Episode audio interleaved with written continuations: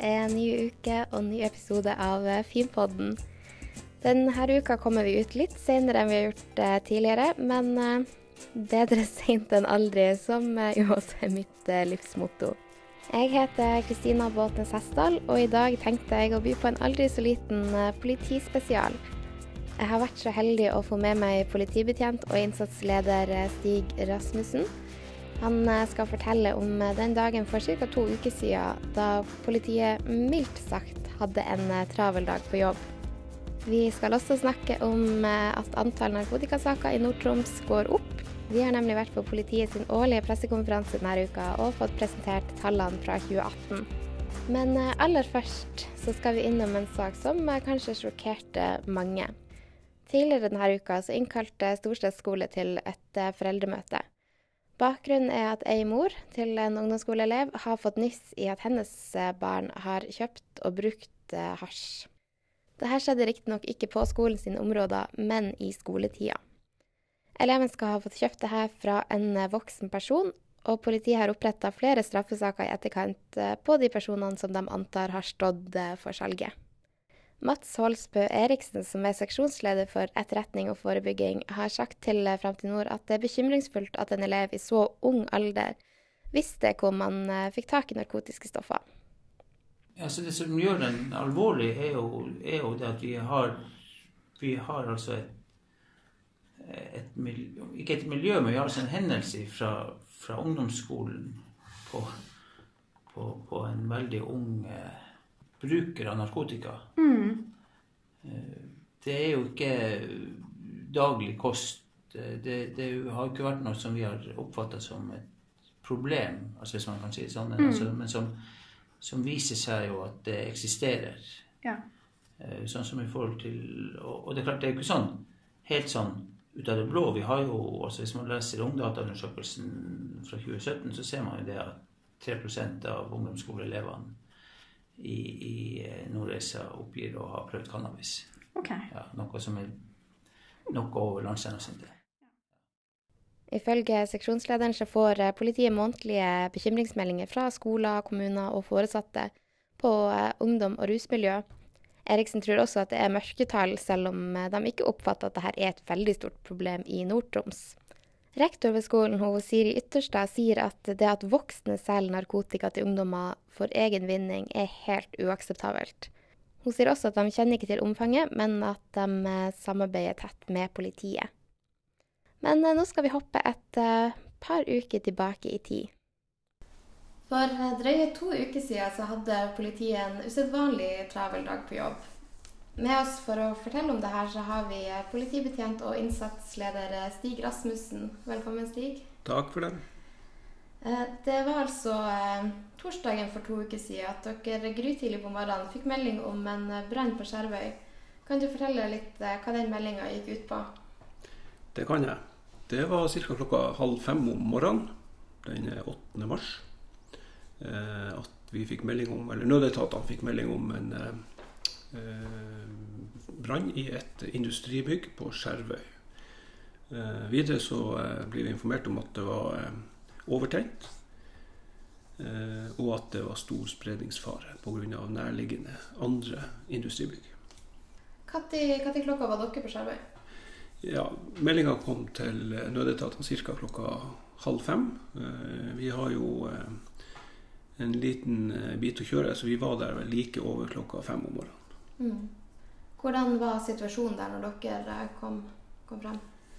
Når vi kom fram, så var som sagt bygget overtent. Brant godt, og røyk, eh, røyken sto eh, til himmels og utover havna. Eh, brannvesenet var i gang med å, altså slukningsarbeidet. Og, og, og ja, for å prøve å selvfølgelig hindre spredning til nærliggende bygg. Mm. Hvor fort fikk man eh, på plass alt man eh, trengte av mannskap? Eh, Brannvesenet stilte med godt bemanna nokså fort. I tillegg så fikk de eh, jo bistand fra Nordreisa kommune og deres brannfolk, som, som, kom etter en liten tid. Videre så var Sivilforsvaret representert med FIG-gruppa si. som stilte med mannskap og utstyr. Eh, Likeså så var det også et, en, en, en båt fra Redningsselskapet som bisto med slokking fra, fra sjøsida. Eh, ambulansetjenesten var der med, med, med, sine folk, og de bisto også i, i forbindelse med evakueringa. Eh, så det var mye folk i, i sving der ute. Mm. Men midt oppi alt det her så kommer det altså en melding om at et utrykningskjøretøy som tilhørte brannvesenet, har kollidert med en annen bil på, på vei til brann. Først og fremst, hvor, hvor, vanlig er det her? Ja, det er heldigvis ikke så vanlig at, eh, at utrykningskjøretøy kolliderer under utrykning. Det skjer riktignok fra tid til annen, men, men, det er ikke vanlig. Eh, og heldigvis eh, for det, fordi at det er jo som navnet sier seg, utrykningskjøretøy, så eh, har man jo ofte litt høyere hastighet enn eh, en trafikken for øvrig. Og det gir jo et eh, potensial for eh, alvorlige ulykker. Eh, sånn at eh, det er som sagt heldigvis uvanlig. Men hva gjør man i en sånn situasjon? Vi må gjøre det samme som vi gjør i enhver annen trafikkulykke. Vi drar jo til stedet for å bistå dem som er involvert. Og for å, eh, politiet sin del så er det jo å etterforske hvorfor det har skjedd. Eh, så i dette tilfellet så må man jo omprioritere ressursene inntil vi får klarlagt hvordan situasjonen er på stedet for den ulykka. Utpå formiddagen så er politiet ferdig med sitt arbeid på Skjervøy og er på tur tilbake til Storslett. Men da kommer det en ny melding. Hva er det da som skjer? Ja, Samme dagen så får vi jo eh, melding om ytterligere en, en eh, brann. Da i en bolig eh, som også er overtent. Vi får også vite på tur til stedet at det ikke skal være skader på folk, eller at det er folk inne i bygget. Så vi kjører jo da til stedet direkte, nærmest fra Skjervøy. I lag med brann og helse. Mm. Og det var fullstendig overtent da når dere kom frem? Ja. Det var såpass eh, godt fyr at det eh, lot seg ikke berge den boligen. Mm. Men i og med at man hadde en eh, storbrann på Skjervøy, så får man altså denne brannen i nabokommunen. Klarer man å få nok mannskap dit? Ja, nå er det jo sånn som du sier, at det er nabokommune, og, og hver kommune har jo en egen brannberedskap. Eh, derav så kunne vi det jo nå stille brannfolk. Eh, Eh, med, med, friske hender, for å si det sånn, som, som eh, da rykka ut denne gangen. Eh, så, så, det var nok ikke noe problem i det hele tatt. Men man kan vel fastslå at det ble en usedvanlig travel dag. Det er vel ikke ofte man har sånne dager? Nei, og heldigvis for det. Det ble en veldig travel dag for politiet, helsevesenet ved ambulansen og ikke minst brannvesenet og andre som bisto, selvfølgelig. Eh, vi gjør jo eh, vi gjør ikke det her alene, sånn at det var mange som var involvert i, i de her tre hendelsene. Det det som du sier, er ikke vanlig. Og det Én ting er jo det som skjer den aktuelle dagen, men videre så skal det jo etterforskes og følges opp på mange områder. Og det er jo også et arbeid som krever sine ressurser og tar tid. Mm. Eh, hadde man alt av ressurser i bruk eh, nå den der dagen? Eh, det var mange ressurser i bruk, men både brann og politi og, og, helse har ytterligere ressurser å sette inn hvis det skal være behov for det. Så, så vi hadde nok litt mer å gå på. Det hadde vi. Mm. Ja, hva gjør man da om det skulle skjedd, skjedd enda mer? Om det hadde kommet f.eks. melding om skred eller lignende?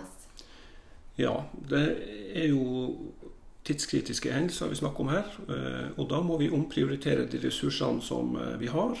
Eh, vi må bruke dem som er nærmest eller lettest tilgjengelig. Ut ifra hvilken hendelse det er, hvor det skjer osv. Mm.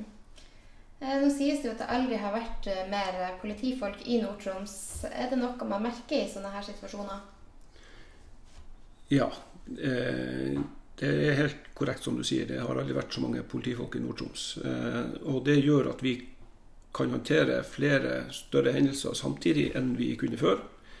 Eh, vi kan eh, jobbe over tid med flere alvorlige hendelser enn vi kunne før.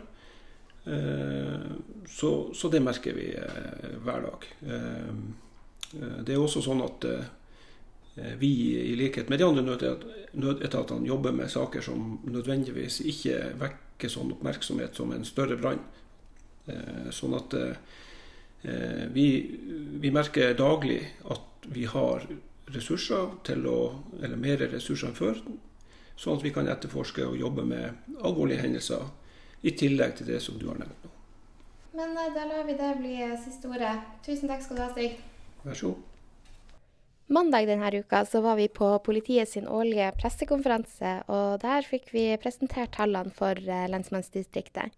Regionlensmann Ole Johan Skogmo fortalte at eh, antall narkotikasaker økte med nesten 154% fra 2017 til 2018, og at det er Nordreisa som står for eh, mesteparten av økninga. De eh, tror ikke det skyldes at det er mer narkotika i regionen enn før, men heller at det er politiets innsats på området som forklarer denne økninga. Regionlensmannen fortalte også at politiet i Nord-Troms jobber ut fra visjonen om at det skal være den tryggeste plassen å bo. Med en eh, oppklaringsprosent som er bedre enn både fylket og landet for øvrig, og en saksbehandlingstid som er vesentlig kortere, så er politiet i hvert fall eh, på god vei. Lensmannsdistriktet er også blant de eneste som har oppnådd måltallet om å ha to politibetjenter per 1000 innbygger. Det var alt vi hadde for i dag, så da gjenstår det bare å si tusen takk for at du hørte på. Om du ikke har fått med deg redaktøren sin fredagsprat allerede, så finner du den ved å søke på Fin fredag. God helg.